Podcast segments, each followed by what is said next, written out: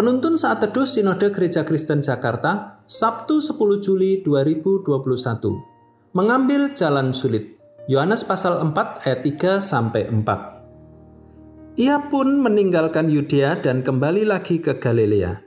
Ia harus melintasi daerah Samaria. Dalam perjalanan menuju ke kampung halamannya yang berada di puncak bukit, seorang yang bernama Diki naik kendaraan umum namun perjalanan pulang kali ini sangat berbeda, di mana Diki tidak segera ke rumah orang tuanya, melainkan ingin mengunjungi kawan lamannya yang berada di kaki bukit. Dia turun dari kendaraan umum di kaki bukit yang menuju ke rumah kawannya tersebut. Kemudian dia berjalan kaki karena jalan menuju ke rumah kawannya itu terbilang sulit. Jalan itu curam, terjal, berkelok-kelok, berbatu-batu, dan sempit.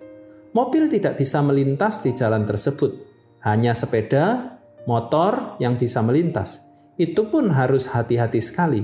Tidak masalah bagi Diki untuk melewati jalan yang sulit itu, karena baginya yang terpenting adalah bisa berjumpa dengan kawan lamanya.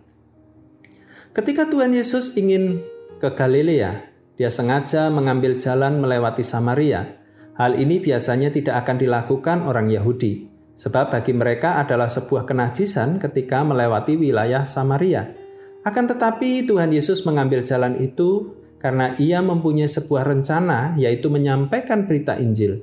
Berita ini bukan hanya ditujukan kepada seorang perempuan Samaria, tapi juga untuk banyak orang yang ada di sana. Memang jalan itu sulit dan bertentangan dengan kebiasaan orang Yahudi pada umumnya, tetapi layak ditempuh untuk tujuan yang mulia. Pada akhirnya, berita Injil dapat diproklamirkan di kota Samaria. Banyak orang, termasuk seorang perempuan Samaria, percaya bahwa Yesus adalah Mesias. Tugas penginjilan dari Tuhan kepada kita tidaklah mudah. Kita akan menghadapi tantangan atau kesulitan. Kesulitan dapat datang dari budaya setempat atau kondisi medan di lapangan.